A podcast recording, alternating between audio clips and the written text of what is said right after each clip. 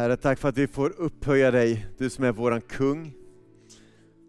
Och Herre, vi, eh, herre, vi vill leva våra liv där du får vara kung här över oss. Herre, vi vet att du är en alltigenom god Gud. Du är alltigenom god. Och Herre, när vi sträcker oss mot dig så vet vi att du vill det bästa för oss. Så Herre, därför kan vi tryggt bekänna dig som Herre och som kung över våra liv. Och vi får be som du lärde oss att be, ske din vilja i våra liv. Ske din vilja i våra liv. Precis som den sker i himlen, låt den ske här på jorden. Låt din vilja ske, låt ditt rike komma. Och tack för att vi får sträcka oss mot dig den här förmiddagen. Amen.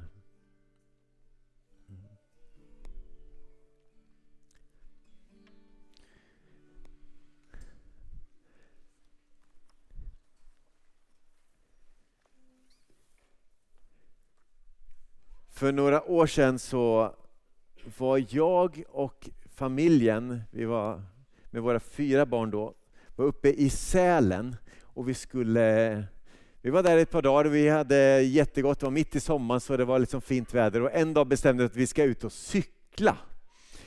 Ehm, och det var dyrt att hyra cyklar så självklart så byggde jag en ställning så vi kunde få upp sex stycken cyklar upp på taket på våran bil. Eh, och sen åkte vi upp dit och så skulle vi då till Rörbäcksnäs en dag och så skulle vi cykla där.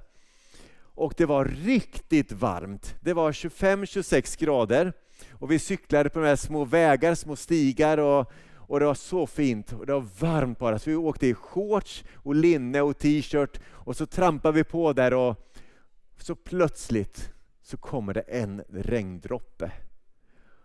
Och den var typ så här, ja, men stor som en eh, grapefrukt ungefär. Ja, men det kändes så. Stor regndroppe bara började så här och sen tänkte jag bara, ah, skönt. Men det tog inte många sekunder förrän det var som att stå mitt i en dusch. Det bara vräkte ner och liksom, vi var mitt, vi var halvvägs ut i det här cykelspåret och så tänkte vad gör vi? Ska vi vända tillbaka eller ska vi åka framåt? Och vi tänkte ah, att det är bäst att köra på. Det, det är nog det tryggaste vi kan göra. Så vi började trampa på. Och när det gick nerför då var det som en liten bäck hade bildats. Och sen så sjönk temperaturen. Och så började det hagla. Och det vräkte ner och jag hörde något av våra barn som bara, vi hörde ropet där Jesus, Jesus! Eh, och de cyklade och vi höll på, vi cyklade, och Noah sa, jag åker i förväg. Och han trampade på det, vi såg inte honom och något av våra barn blev helt förskräckt. Var är Noah någonstans? Och så tog det ett tag, sen kom vi tillbaks.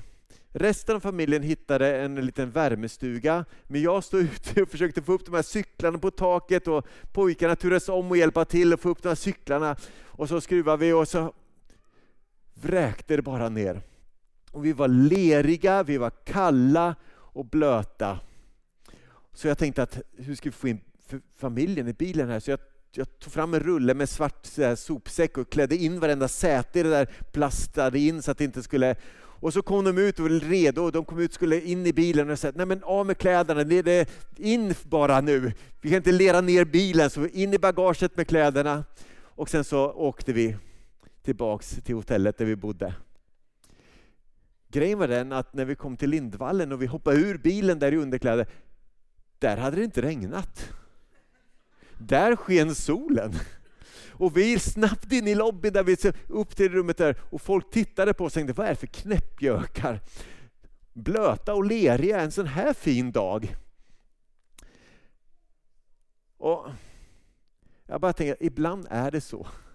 Jag tror att vi ibland är lite dåligt utrustade för vad som kommer att möta oss i livet. Vi tänker att Åh, nu har jag Jesus, nu kommer det bli sol, nu kommer det bli fint väder, det ska vara varmt och gött. Av med byxorna, på med shortsen, nu härligt.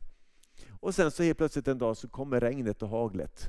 Och vi blir leriga och vi blir smutsiga. Bara så, åh, hur vart det så här? Ska jag trampa på eller ska jag vända om eller hur ska jag göra? Och ibland så blir det som kung David uttryckte det, att vi bokstavligt vandrar som i dödsskuggans dal. Och så undrar vi, kommer vi klara av det här? Och jag tror att jag, jag tror att det var någon av våra tjejer som var de mest flitiga på att ropa på Jesus när vi cyklade där. Jesus hjälp, Jesus hjälp, Jesus hjälp! Hörde man hela tiden där.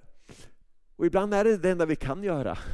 Och jag brukar säga att att Jesus hjälp är en väldigt bra bön.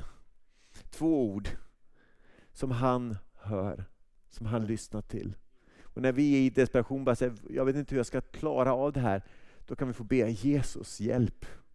Och han har lovat att hjälpa. Kung David då, som eh, beskrev att han ibland vandrar som i dödsskuggans dal. Han ber vid ett tillfälle en bön. I psalm 86 står det så här. Herre, visa mig din väg så att jag kan vandra i din sanning. Alltså att be att Gud visa mig hur jag ska gå, visa mig hur jag ska cykla, visa mig hur jag ska ta mig framåt. För jag vill vandra mitt liv i din sanning. Och vid ett tillfälle så, så konfronterades han med sin egen synd, för han hade begått en synd och så kommer någon annan och påtalar det. Och vad gör han då? Jo, då skriver han ner ännu en bön där han säger så här till Gud. Gud, tvätta mig ren från min skuld. Rena mig från min synd. För jag känner mina överträdelser. Och så lägger han till senare att Gud, ta inte din helige Ande ifrån mig. Och David han beskrivs gång på gång som en man efter Guds hjärta. Även om han många gånger gjorde fel. Han var långt ifrån felfri. Men han hade ett hjärta som var rätt. För när han mötte saker som han kände att det här har jag gjort fel, så gick han till Gud med det. Och Kung David blev sen någon form av måttstocken som man mätte alla andra kungar efter. Så när man läser om olika kungar kan man läsa att vandrade på, hans, på, på fader Davids vägar eller vandrade han inte på Davids vägar? Kung Josia står det så här om att han, Josia, gjorde det som var rätt i Herrens ögon. Och Josia då följde helt i sin fader Davids spår utan att vika av åt något håll. Så vi ska nu ha framför oss sex veckor där vi kommer att tala om den fortsatta vandringen. Och Vi kommer utgå mycket från Jesu liv. Vi kommer titta på hur Jesus levde, vi kommer tala om hur han nästa vecka hur han döptes i Jordanfloden och hur Gud bekräftade honom genom att tala ut du är min älskade son. Han fick sin identitet uppropad från sig från himlen. Och Sen kommer vi tala om sen hur Jesus fördes ut från Jordanfloden. Helt plötsligt vände han ryggen mot allt folket och gick ut i öknen där han skulle sättas på prov och där han frestades. När han hade frestats så, så att, han, att han återvände till Galileen med andens kraft inom sig. Och så går han till synagogan och säger att Herrens ande är över mig. För han har gett mig ett uppdrag. Och sen så ska vi tala om det, vårt uppdrag. Och sen så ska vi titta på hur Jesus levde hela livet genom att tjäna Gud. Han satte alltid Guds vilja först och sa, Gud vad vill du för mitt liv? Jag gör inget annat än det min fader säger åt mig att göra och det kan jag ju inte säga om mig själv så. Men Jesus levde så, ett liv överlåtet där han sa det Fadern ville att han skulle säga och han gjorde det som, han ville, som Fadern ville att han skulle göra. Och jag tror att ändå att genom att se på Jesus kommer vi kunna lära oss att det finns vägar som vi kan gå på där vi får lära oss att höra hans röst, att få upptäcka hans vilja. Och Sen kommer vi tala om hur våra liv kan få göra skillnad. Där vi kan få leva liv som gör skillnad för andra människor. Där vi får leva liv överlåtna honom. Jag tycker det, känns, det här känns jätte, jättespännande att få göra det här att få vandra på Guds vägar. Det finns ett uttryck förresten som eh, går så här att jag tror de flesta har hört det. I alla fall eh, är du från Iran och ny i Sverige kanske du inte har hört det här uttrycket, men vi, vi, vi testar. Det här, alla vägar bär till Rom. Yes. Är det sant? Nej, det är ju inte så. Men man säger så. För på den tiden så var det så att vilken väg man än hoppade på, om man bara valde rätt håll så kom man till Rom. Men eh, jag vet inte hur det skulle gå. Om jag tar E6 norrut så kommer jag faktiskt inte till Rom. Tror du det Fredrik? Jag får åka långt. Ja, ändå tveksam. Men därför att olika vägar kan leda till olika platser. Och därför är Bibeln, när Bibeln eh, talar till oss, så säger den många gånger att vi behöver vara noga med vilka vägar vi väljer. Vi, kan, vi behöver vara noga med vilka vägar vi väljer att gå på. Och Det finns olika vägar och olika vägar leder oss till olika platser i livet. Och ibland har jag mött människor som säger ungefär så här i en, i en själavårdssamtal att hur hamnade jag här? Hur kunde det bli så här? Och ibland så har jag lust att säga så här, ja, du valde ju den här vägen. Men ibland så kan man bara känna så här, du, jag vet inte. Men vi kan be om att Gud ska få leda rätt.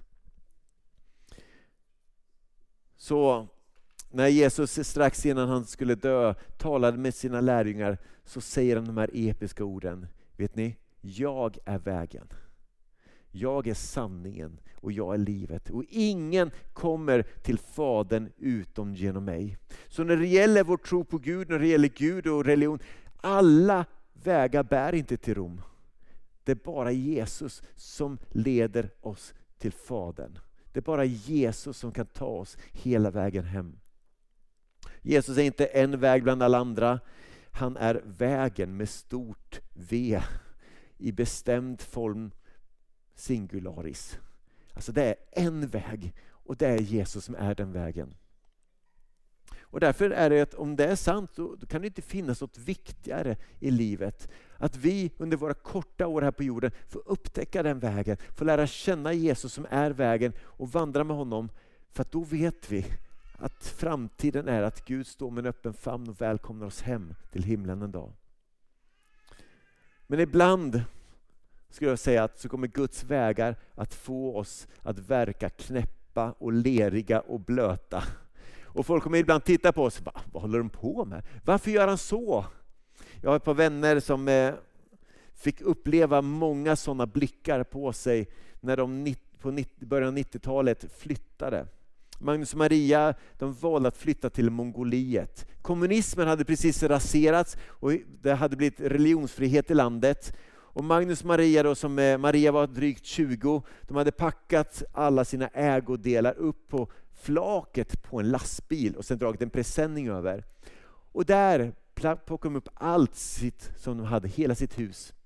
Eller inte huset, men alla sina ägodelar. Och sen så in i lastbilen tillsammans med sina två små barn. Och sen åkte de norrut till en liten plats som heter Erdenet där de inte hade varit. Men de visste att där finns det sex, sju stycken tjejer i tonåren, mellan 13 och 17 år, som, som hade fått möta Jesus. Så de bestämde för att vi ska åka dit. För Gud kallar oss att åka den vägen. Så de åkte dit till Mongoliet och upp till det här Erdenet och letade rätt på de här tjejerna för att lärjungar träna dem och berätta om Jesus och hjälpa dem på deras väg. De blev kvar i tio år. De fick möta ganska många som ifrågasatte deras vägval. Och för, hur kan du göra så här? Det är kallt i norra Mongoliet, det, det är fattigt, det är svårt, det är ett främmande kultur, främmande språk. Varför gör ni det här? Varför utsätter ni era barn för det här? Men både Magnus och Maria visste att det finns för oss ingen tryggare plats än att vara i Guds vilja, att gå hans väg. Så trots att de fick höra mycket, undra hur kan ni, vad gör ni, varför, varför ger ni er ut i leran? Så visste de att nej, det finns ingen annan väg för oss. Och de ångrar inte sina år där. Att följa Gud, att söka hans vilja med våra liv, att överlåta oss till att vandra med Jesus är det bästa vi kan göra. Vare sig Gud leder dig till ICA, till Mongoliet, eller till sjukhuset, eller in i skolvärlden, eller vart Gud än leder dig, så är det bästa platsen för dig att vara på, det är att vara i Guds vilja. Att vandra med honom. Vi sa förut att kung David bad en bön som lät så här. Herre, visa mig din väg. Och det står inte Visa mig Herre din väg så att jag kan överväga ifall jag har lust att gå den vägen eller inte. Det står visa mig din väg så att jag kan vandra i din sanning. Och I våras talade vi om vandringen, hur vi kan få en bra start. Vi utgick eh, delvis från den här boken. Det finns några exemplar där ute ifall du vill köpa den. Den beskriver både hur vi får en bra start på vår vandring och den tar också upp det som vi kommer tala om i den här serien. Så att har du inte läst den så kan jag tipsa att läsa den. Det finns fem, sex stycken kvar där ute. Och när vi talar om det här då, vandringen så så betonar jag att starten är viktig. Starten är viktig för att vi ska kunna upptäcka det liv som Gud har skapat oss att leva, för att vi ska kunna formas och mogna och bli mer lika Jesus. Och starten är viktig för att vi ska kunna tjäna Gud och leva det liv som Gud kallar oss att leva. Och då nämnde vi bland annat omvändelse, tro, dop och uppfyllandet av Ande. Fast det är inte bara starten. För när jag, som kristen så är det, jag behöver ständigt komma i princip varje dag så behöver jag säga Gud, jag vill omvända mig emot dig. Jag vill gå på din väg idag.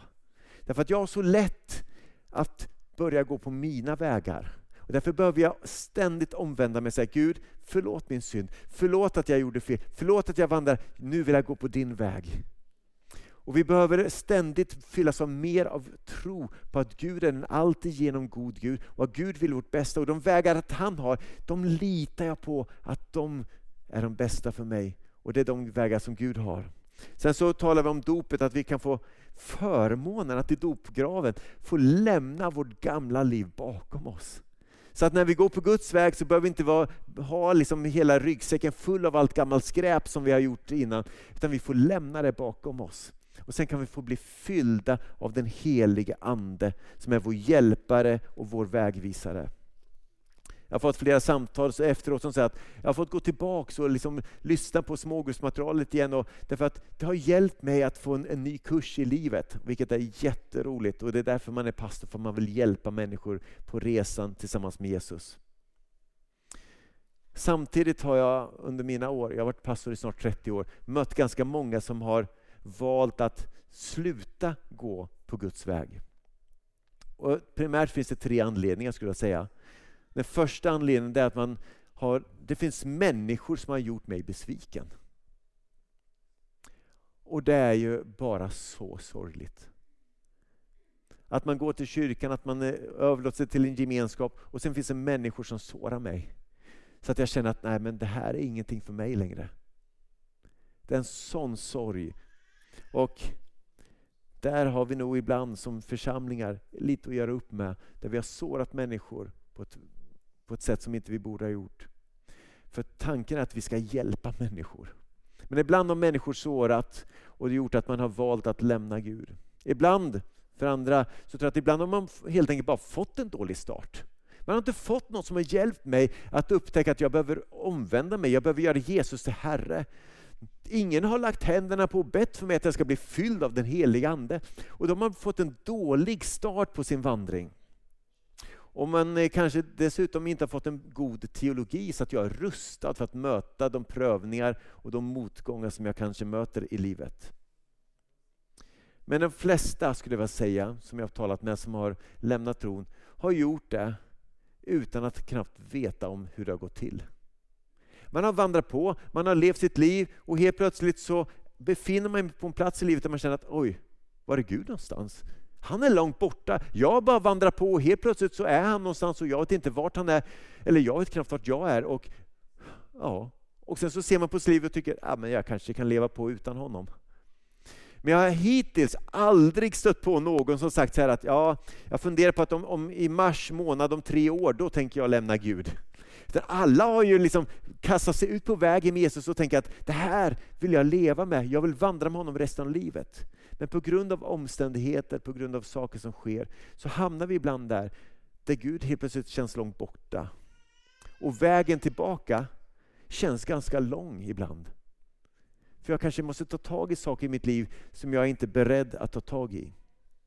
Men jag tror att det vanligaste orsaken att man hamnar vilse och råkar vandra bort, det är att man inte har levt sitt liv fylld av den helige Ande.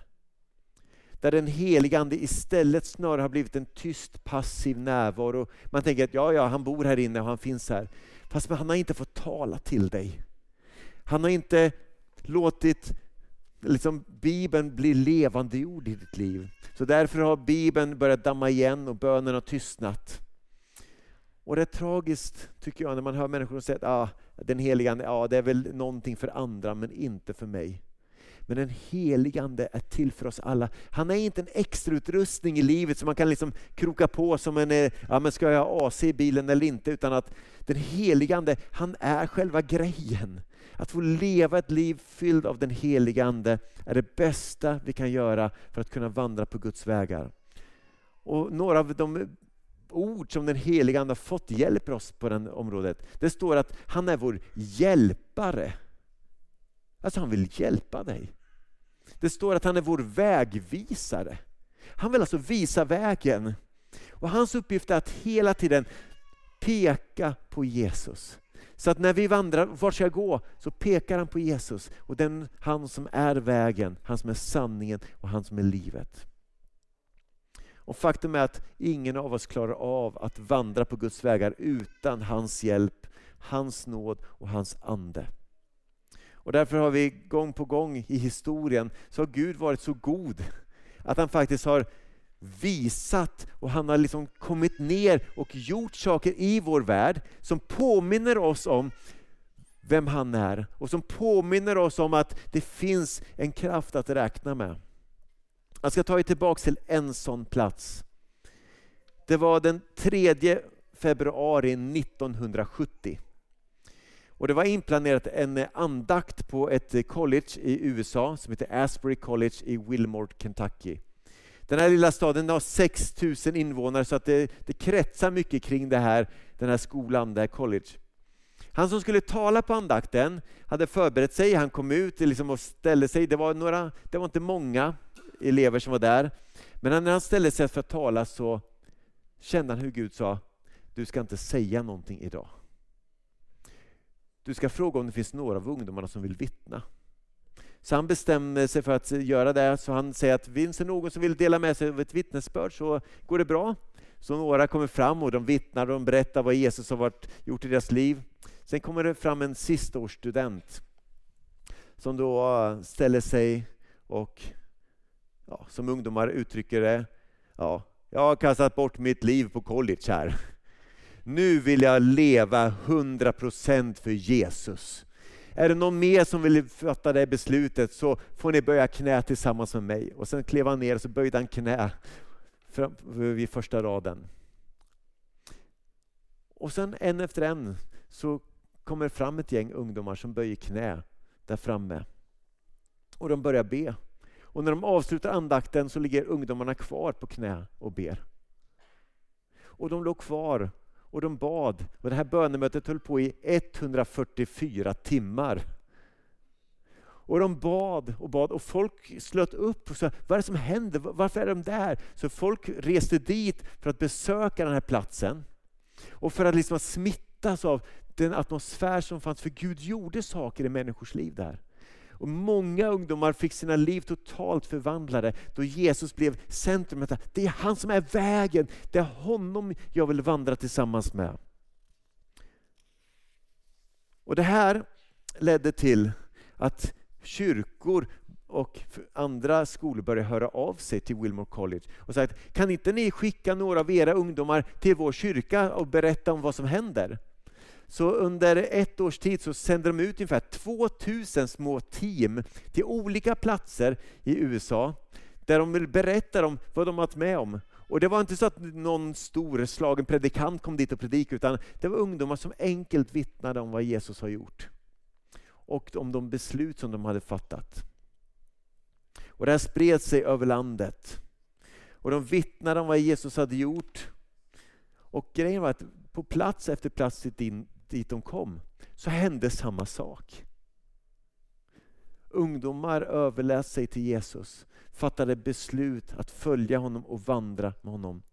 Det var precis eh, 1970, precis då hade Jesusrörelsen i USA påbörjat och det här var som en, som en injektion in i hela Jesusrörelsen som gjorde att det svepte fram över i princip hela vår värld en längtan efter att få upptäcka Jesus, att få sjunga till Jesus på sånger som jag känner igen.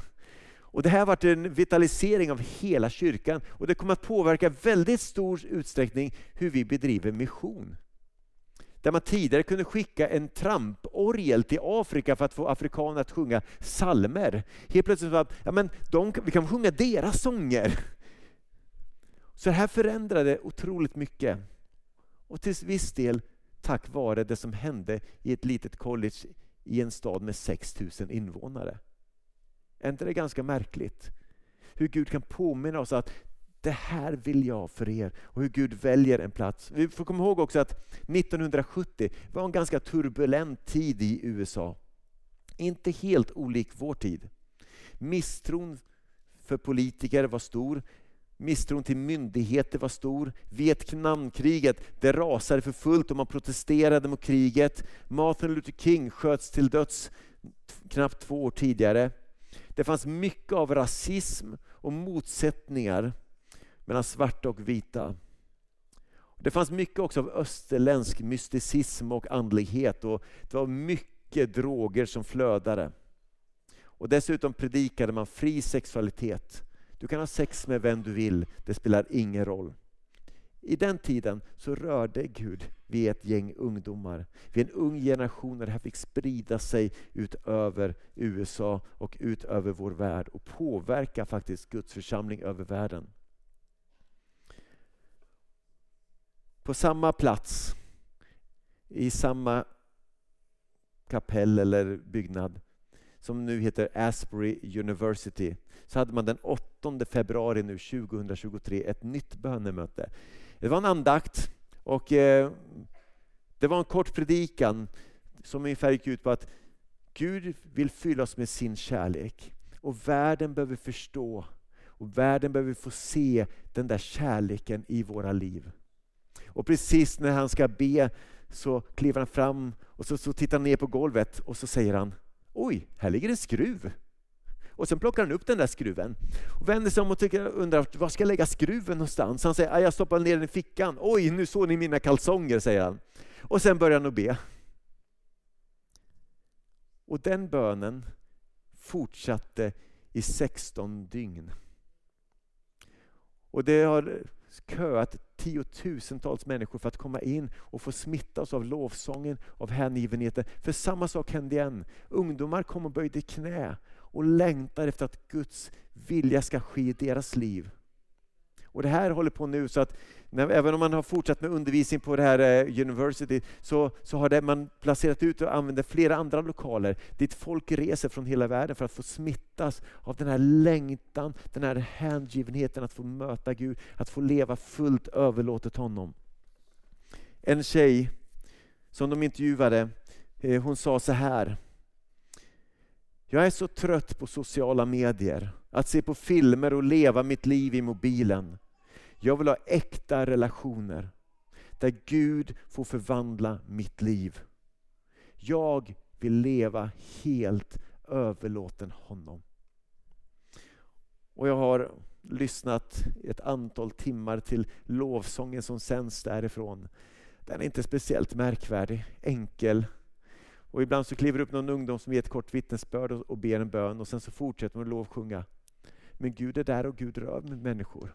Och när jag ser det så bara föds jag av en sån otrolig längtan i mitt liv att få, Gud låt oss få se mer av dig. För om vi ska kunna vandra och klara av att vandra leriga så behöver Gud få möta oss, han behöver hjälpa oss, han behöver få vara vår hjälpare som fyller oss med hans kraft och hans styrka. Och det är ingenting som jag kan ta till mig, så att nu ska jag ha det där. Utan det är bara att jag får i ödmjukhet ödmjukhet inför Gud säga Gud, möt mig. Hjälp mig att vandra på din väg. Hjälp mig att vandra i din sanning. För om vi ska klara av att leva vi, liv i hans vilja så behöver vi den heliga Ande. Och jag är så tacksam för att Gud i sin nåd möter en ung generation på nytt. Och jag längtar efter att han ska få göra det ännu mer hos oss. Så gott att höra vittnesbörd från lägret. Men vi behöver alla smittas av det där. Vi behöver lite lägerfeeling allihopa tror jag. Att få återvända till den där första kärleken för Jesus. Där jag får vandra med honom, inte bara ja nu måste jag väl det här, utan att och jag längtar efter att få fira gudstjänst. Jag längtar efter att få be, jag längtar efter att få komma hem från jobbet så att jag kan läsa min bibel. Gud, lägg den längtan i mig, lägg den passionen i mitt hjärta. Hjälp mig att leva överlåten. Och jag längtar efter att Guds närvaro än mer skulle få prägla mitt liv och våra liv. Och kanske någon av oss behöver få en ny start. Så att Jesus, jag har nog hamnat på sidan av din plan. Jag känner att du har hamnat i periferin för mitt liv. Men jag vill återigen att du ska bli centrum. Jag vill att du ska vara vägen. Jag vill att du ska vara sanningen och att du ska vara livet för mig. Ska vi be. Herre, tack för att du älskar oss så mycket. Herre, ibland så vet man knappt vilka ord man ska använda när man ber, men Herre, kom helig Ande.